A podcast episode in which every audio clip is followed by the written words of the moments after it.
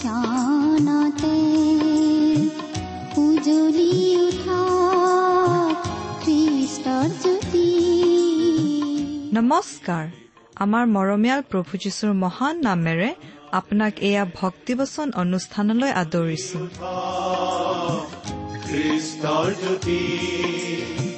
আকাশ বতাহ মুখৰিত কৰি গাঁও হাৱে মিলি প্ৰশংসা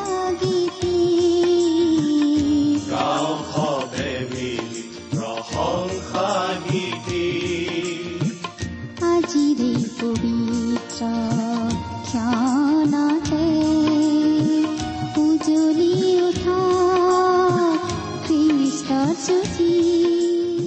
ঈশ্বৰে আপোনাক যি অসীম প্ৰেম কৰিলে তাক যদি অনুভৱ কৰিব বিচাৰে আৰু তেওঁৰ অগম্য বাক্যৰ মৌ মিঠা সোৱাদ ল'ব বিচাৰে তেন্তে আহক আজিৰ ভক্তিবচন অনুষ্ঠানটো মনোযোগেৰে শুনো। এয়া আপোনালৈ আগবঢ়াইছো ঈশ্বৰৰ জীৱন্ত বাক্যৰ অনুষ্ঠান ভক্তিবচন। আমাৰ মহান ত্ৰাণকৰ্তা প্ৰভু যীশুখ্ৰীষ্টৰ নামত নমস্কাৰ প্ৰিয় শ্ৰোতা। আশা কৰো পৰম পিতা পৰমেশ্বৰৰ মহান অনুগ্ৰহত আপুনি ভালে কুশলে আছে। আপুনি আমাৰ এই ভক্তিবচন অনুষ্ঠানটো নিয়মিতভাৱে শুনি আছে বুলিও আমি আশা কৰিছো। এই অনুষ্ঠান শুনি আপুনি বাৰু কেনে পাইছে? আমি শ্ৰোতাসকলৰ পৰা চিঠি পত্ৰ পাবলৈ অতি আগ্ৰহেৰে বাট চাই থাকো আৰু আমালৈ চিঠি পত্ৰ লিখিবলৈ আমি সদায় অনুৰোধ জনাওঁ। অনুগ্ৰহ কৰি আজিয়েই আপোনাৰ মতামত আদি জনাই আমালৈ দুষাৰিমান লিখি পঠিয়াবচোন। আমাৰ যোগাযোগৰ ঠিকনা ভক্তিবচন টি ডব্লিউ আৰ ইণ্ডিয়া ডাক বাকচ নম্বৰ সাত শূন্য গুৱাহাটী সাত আঠ এক শূন্য শূন্য এক। ভক্তিবচন T W R India post box number seventy Guwahati seven eight one zero' zero' one.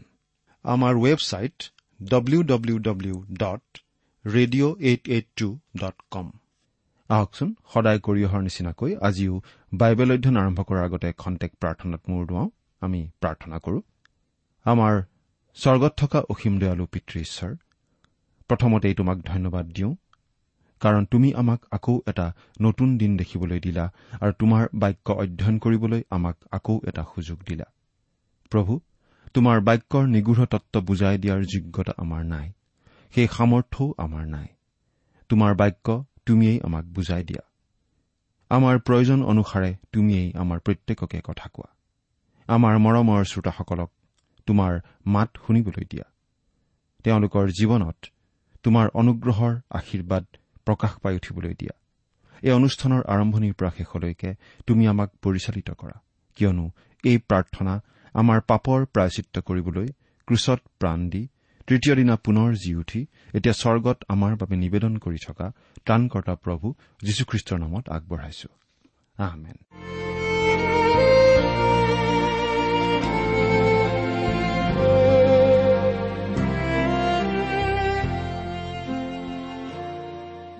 প্ৰিয় শ্ৰোতা আপুনি বাৰু আমাৰ এই ভক্তিবচন অনুষ্ঠানটো নিয়মিতভাৱে শুনি আছেনে? আপুনি যদিহে আমাৰ এই অনুষ্ঠানটো নিয়মিতভাৱে শুনি আছে তেনেহলে আপুনি নিশ্চয় জানে যে আমি এতিয়া বাইবেলৰ নতুন নিয়ম খণ্ডৰ ইব্ৰীবিলাকৰ প্ৰতি পত্ৰ নামৰ পুস্তকখন অধ্যয়ন কৰি আছো নহয়নে বাৰু? এই পুস্তকখনক আমি চমুকৈ ইব্ৰী পুস্তক বুলিয়েই কওঁ। আৰু ইতিমধ্যে আমি বহুদূৰ আগবাঢ়ি আহিছো। আপুনি আমাৰ যোৱা অনুষ্ঠানটো শুনিছিল নে আমি বাৰু কি আলোচনা কৰিছিলো? যোৱা অনুষ্ঠানত আমি এই ইব্ৰী পুস্তকখনৰ দহ নম্বৰ অধ্যায়ৰ শেষৰটো পদলৈকে পঢ়ি আলোচনা আগবঢ়াইছিলো নহয়নে বাৰু?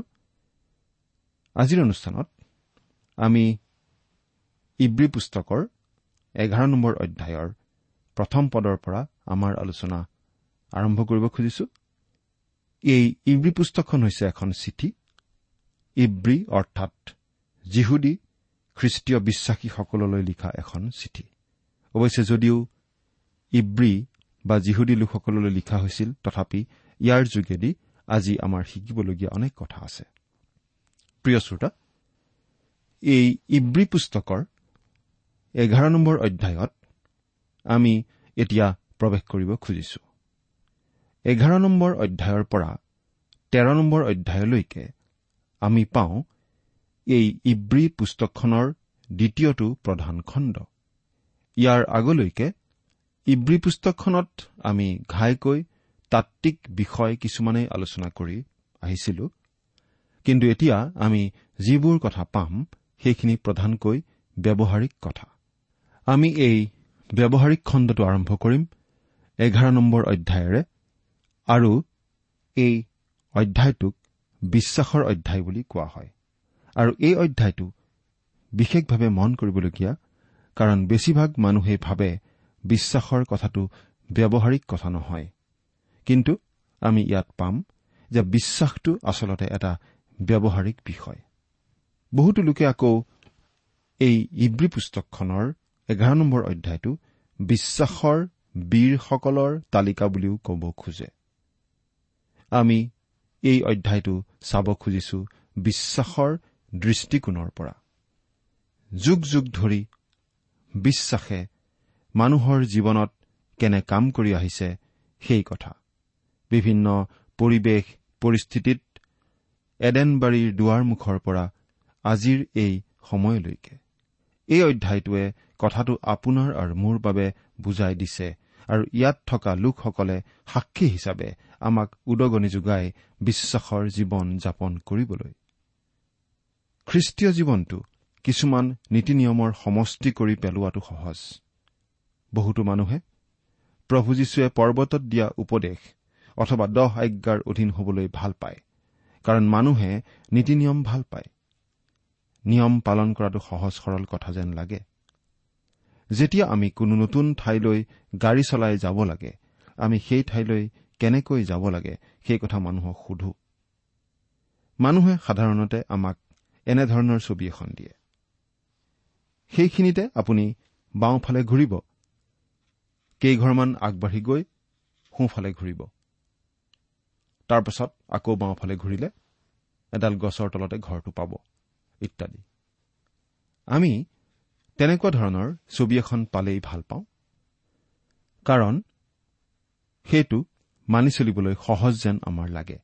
বহুতো মানুহৰ কাৰণে জীৱনটো তেনেকুৱাই। তেওঁলোকে কিছুমান পৰিষ্কাৰ নীতি নিয়ম পালন কৰিব বিচাৰে। কিন্তু এই অধ্যায়টোত আমি কিছুমান ব্যক্তিৰ কথা পাম যিসকলে সম্পূৰ্ণ বেলেগ ধৰণৰ বাটেৰে গৈছিল।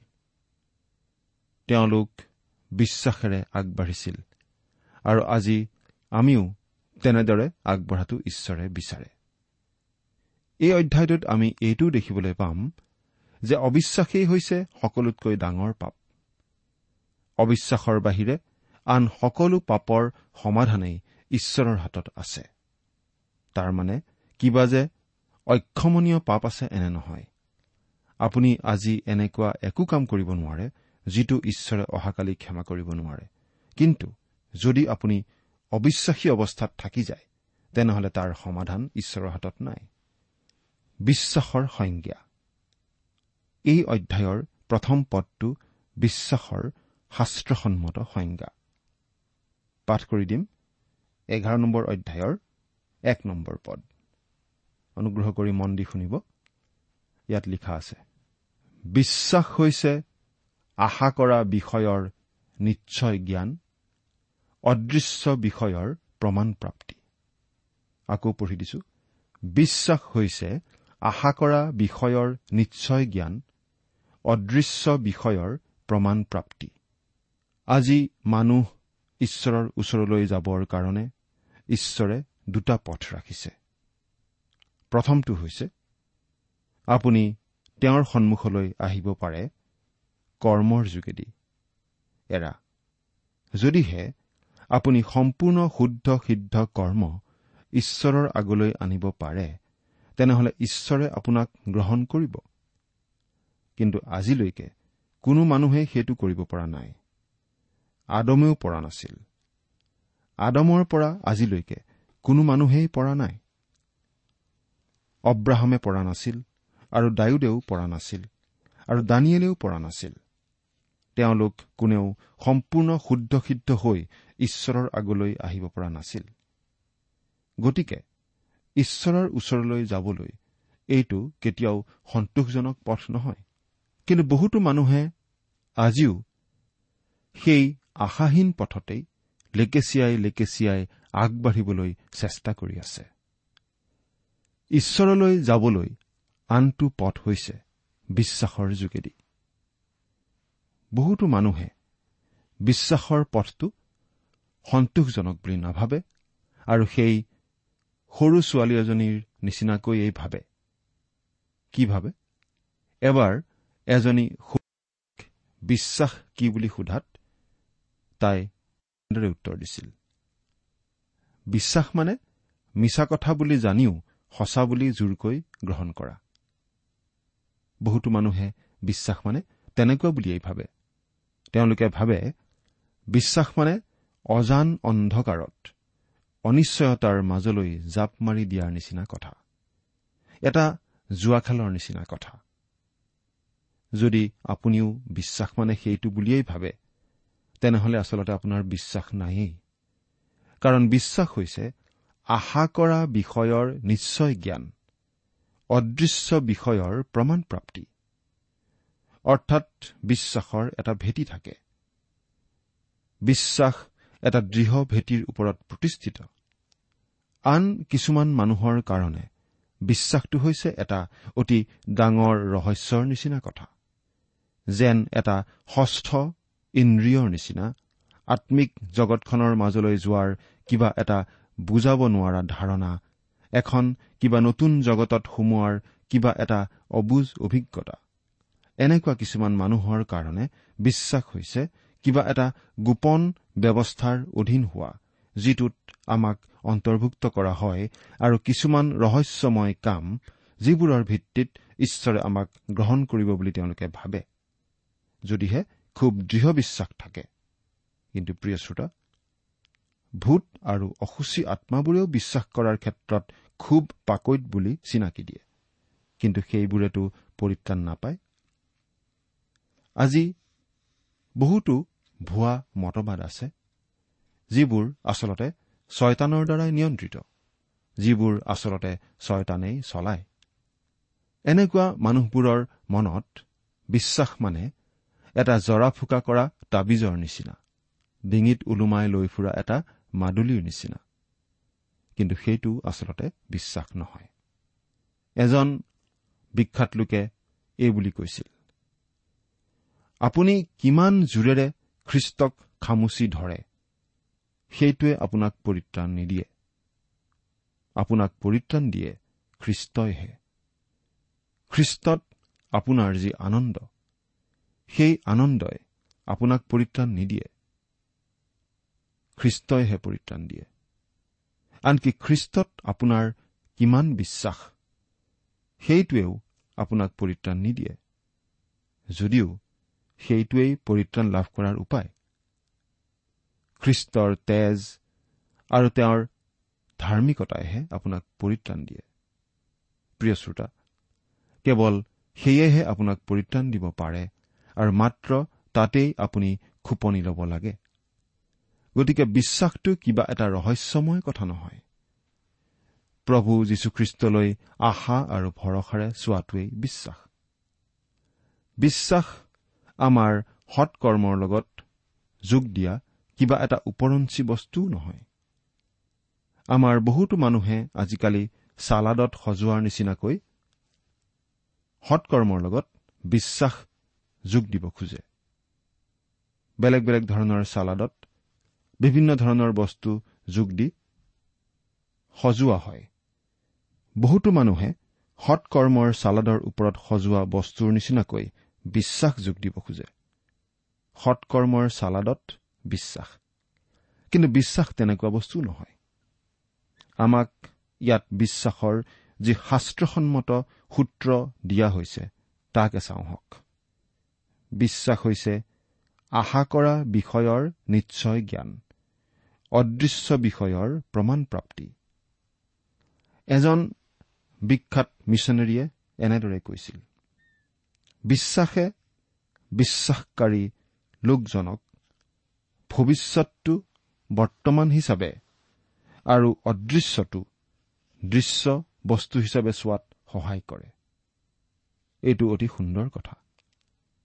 বিশ্বাস হৈছে আশা কৰা বিষয়ৰ নিশ্চয় জ্ঞান। নিশ্চয় জ্ঞান বুলি অসমীয়াত কোৱা হৈছে কিন্তু মূল গ্ৰীক শব্দটো হৈছে হিউপষ্টেচিছ। এইটো এটা বৈজ্ঞানিক শব্দ। ই কিবা এটা হাইপথেচিছ থিয়ৰী বা প্ৰকল্পৰ বিপৰীত অৰ্থ বুজায়। অৰ্থাৎ ধৰি লোৱা বা অনুমান কৰি লোৱা কথা নহয় কিন্তু তথ্যৰ ওপৰত আধাৰিত কথাহে ই বুজায়। পানীখিনি উতলোৱাৰ পাছত পানীৰ তলত পৰি ৰোৱা গেটখিনিৰ নিচিনা বাস্তৱ কথা। ৰসায়নবিদ্যাৰ পৰীক্ষাগাৰত ছাত্ৰ এজনক এবিধ পদাৰ্থ দিয়া হৈছিল।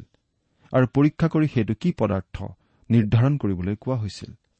বহুদিন পৰীক্ষা নিৰীক্ষা কৰি সেই ছাত্ৰজনে প্ৰফেচাৰক গৈ কলে ইয়াত অমুক পদাৰ্থ আছে। কাৰণ মই পদাৰ্থটোৰ লগত এইবিধ বস্তু মিহলাই বাৰ্ণাৰত গৰম কৰাৰ পাছত গেদ হিচাপে এইবিধ বস্তু পালো। প্ৰফেচাৰজনে ছাত্ৰজনৰ কথা শুদ্ধ বুলি কলে কাৰণ সেই পদাৰ্থটোৰ লগত তেনেকুৱা পদাৰ্থ এটা মিহলাই গৰম কৰিলে তেনেকুৱা ধৰণৰ গেদ পৰিবই। আৰু ছাত্ৰজনে সেই গেদ পৰে নে নাই সেইটোকেই চালে। আৰু সেইটোৱেই বাস্তৱ তথ্য। বিশ্বাসো তেনেকুৱা কথা। বিশ্বাস হৈছে বাস্তৱ। বিশ্বাসৰ নিশ্চয় জ্ঞাননো কি? প্ৰিয় শ্ৰোতা ঈশ্বৰৰ বাক্যই হৈছে সেই নিশ্চয় জ্ঞানৰ আধাৰ। যদিহে আপোনাৰ বিশ্বাস ঈশ্বৰৰ বাক্যৰ ওপৰত আধাৰিত নহয়। তেনেহলে আপোনাৰ বিশ্বাস বাইবেলসন্মত বিশ্বাস নহয়। বিশ্বাস ঈশ্বৰৰ বাক্যত আধাৰিত হবই লাগিব। আচলতে বিশ্বাস মানে ঈশ্বৰৰ কথা সঁচা বুলি মানি লোৱা। ঈশ্বৰক সত্যবাদী বুলি কোৱা। এতিয়া প্ৰশ্নটো হৈছে আপুনি ঈশ্বৰৰ কথা সঁচা বুলি বিশ্বাস কৰেনে? আপুনি ঈশ্বৰক সত্যবাদী বুলি কয়নে? আপোনাৰ কিবা এটা বৌদ্ধিক সমস্যা আছে বুলি অজুহাত নেদেখুৱাব। তাৰ পৰা একো লাভ নাই। আচলতে মানুহক ঈশ্বৰৰ বাক্যৰ পৰা আঁতৰাই ৰাখে পাপে। পাপে। আমাৰ জীৱনত যদি পাপ থাকে সেই পাপেহে আমাক ঈশ্বৰলৈ অহাত বাধা দিয়ে। অন্তৰখনে বিশ্বাস কৰা উচিত। যেতিয়া মানুহে পাপ ত্যাগ কৰিবলৈ সিদ্ধান্ত লয় তেতিয়া পবিত্ৰ আত্মাই সেই মানুহজনৰ বাবে ঈশ্বৰৰ বাক্য বাস্তৱ কৰি তোলে। এবাৰ এজন লিখকে বাইবেল যে সঁচাকৈয়ে ঈশ্বৰৰ বাক্য সেই কথা যুক্তি সহকাৰে প্ৰমাণ কৰা কিতাপ এখন এজন শিক্ষকলৈ পঠিয়াই দিছিল। শিক্ষকজনে সেই লিখকজনলৈ এই বুলি লিখিছিল আপোনাৰ কিতাপখন অতি উৎকৃষ্ট হৈছে। কিন্তু এতিয়া মই মোৰ পৰিচৰ্যাত এনে এটা অৱস্থাত উপনীত হৈছো। যে এনেকুৱা কিতাপৰ মোৰ আৰু কোনো প্ৰয়োজন নাই। বাইবেল ঈশ্বৰৰ বাক্য হয় বুলি মই বিশ্বাস কৰোৱেই। মই ইতিমধ্যেই সেই সকলো কথা পৰীক্ষা নিৰীক্ষা কৰি চাইছোৱেই।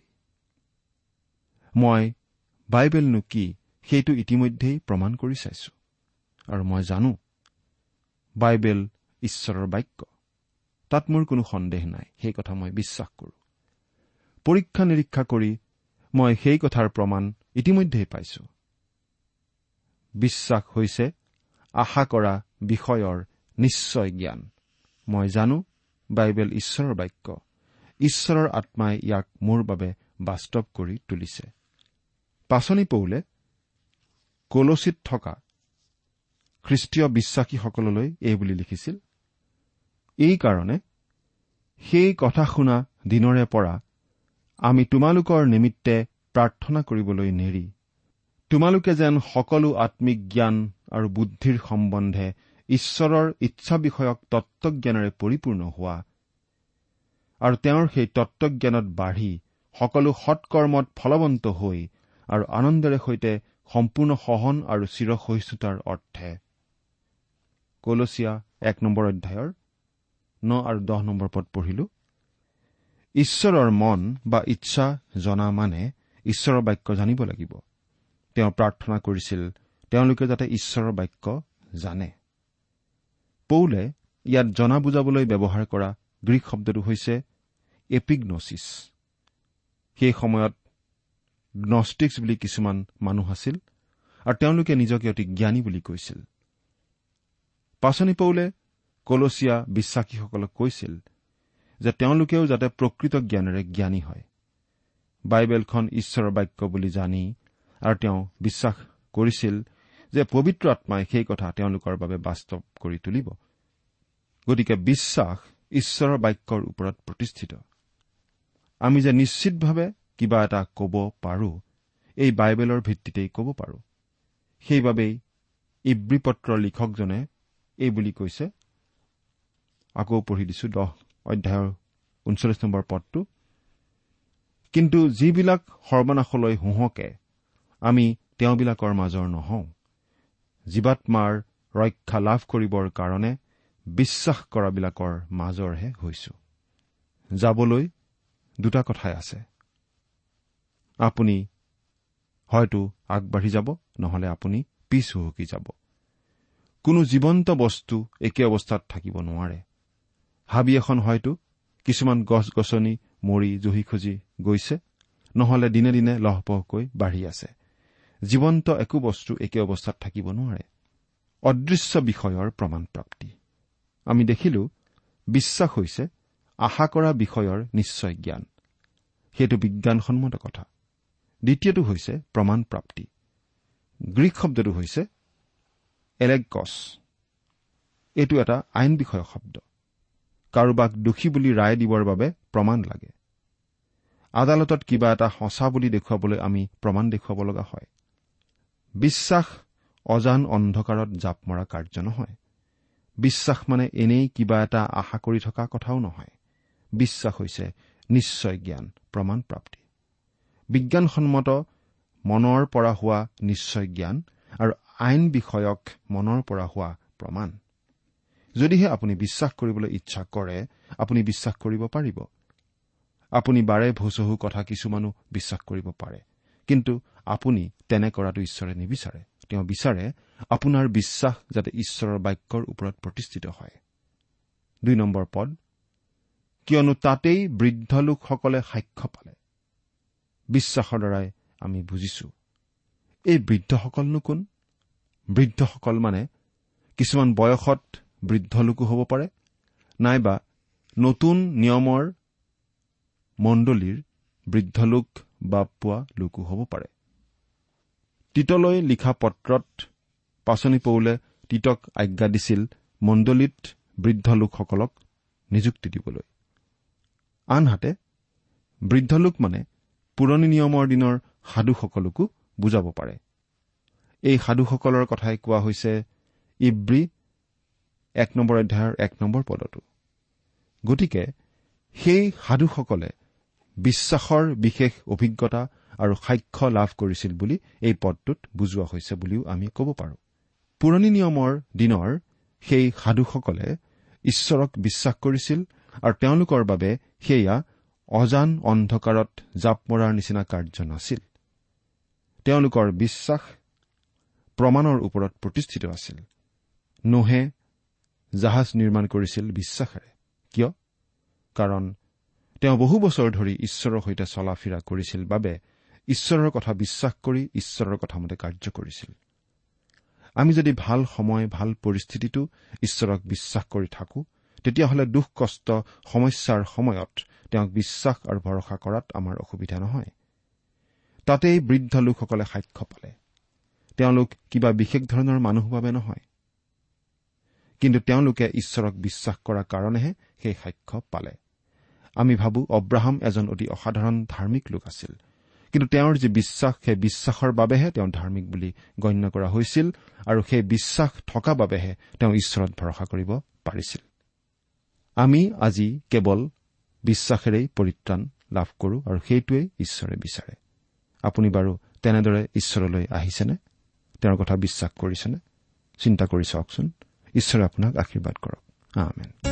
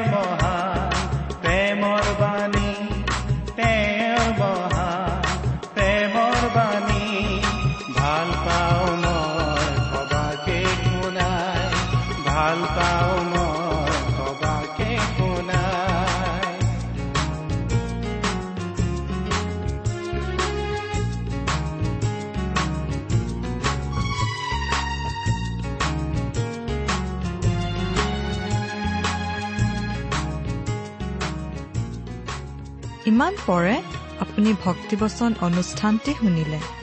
অনুষ্ঠানটি শুনি কেনে পালে আমালৈ চিঠি লিখি জনাবচোন। অনুষ্ঠানত প্ৰচাৰ কৰা কোনো কথা বুজিব লগা থাকিলেও আমালৈ লিখক। আমাৰ ঠিকনা ভক্তিবচন টি ডাব্লিউ আৰ ইণ্ডিয়া ডাক পাকচ নম্বৰ সাত শূন্য গুৱাহাটী সাত আঠ এক শূন্য শূন্য এক। ঠিকনাটো আৰু এবাৰ কৈছো ভক্তিবচন টি ডাব্লিউ আৰ ইণ্ডিয়া ডাক পাকচ নম্বৰ সাত শূন্য গুৱাহাটী সাত আঠ এক শূন্য শূন্য এক আপুনি ইমেইল যোগেৰেও আমাৰ সৈতে যোগাযোগ কৰিব পাৰে আমাৰ ইমেইল আইডিটো হৈছে Assamese T TV at radio' eight eight two dot com আইডিটো আকৌ এবাৰ কৈছো Assamese T TV at radio' eight eight two dot com আপুনি টেলিফোনৰ মাধ্যমেৰেও আমাক যোগাযোগ কৰিব পাৰে আমাৰ টেলিফোন নম্বৰটো হৈছে শূন্য তিনি ছয় এক দুই ছয় শূন্য চাৰি ছয় সাত এক। ফোন নম্বৰটো আকৌ এবাৰ কৈছো zero' three six one two six zero' four six seven one. আজিৰ অনুষ্ঠানটি ইমানতে সামৰিছো। ঈশ্বৰৰ শান্তি আৰু অনুগ্ৰহ আপোনাৰ লগত থাকক। ধন্যবাদ।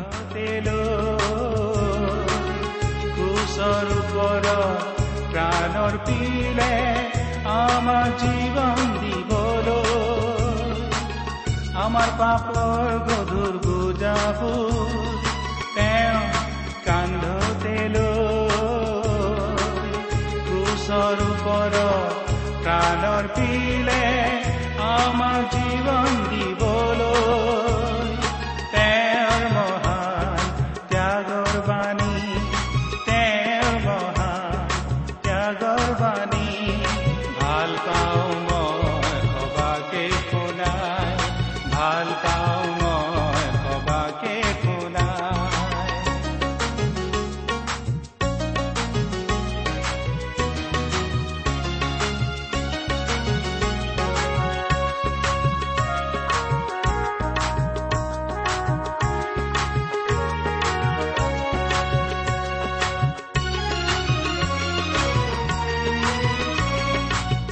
তৃতীয় দিনা পুনৰ উঠি মৃত্যুক জয় কৰিলে তৃতীয় দিনা পুনৰ উঠি মৃত্যুক জয় কৰিলে সুশৰীৰে সৰগলৈ গৈ সুশৰীৰে সৰগলৈ গৈ আজি নিবেদিছে আমাৰ হকে।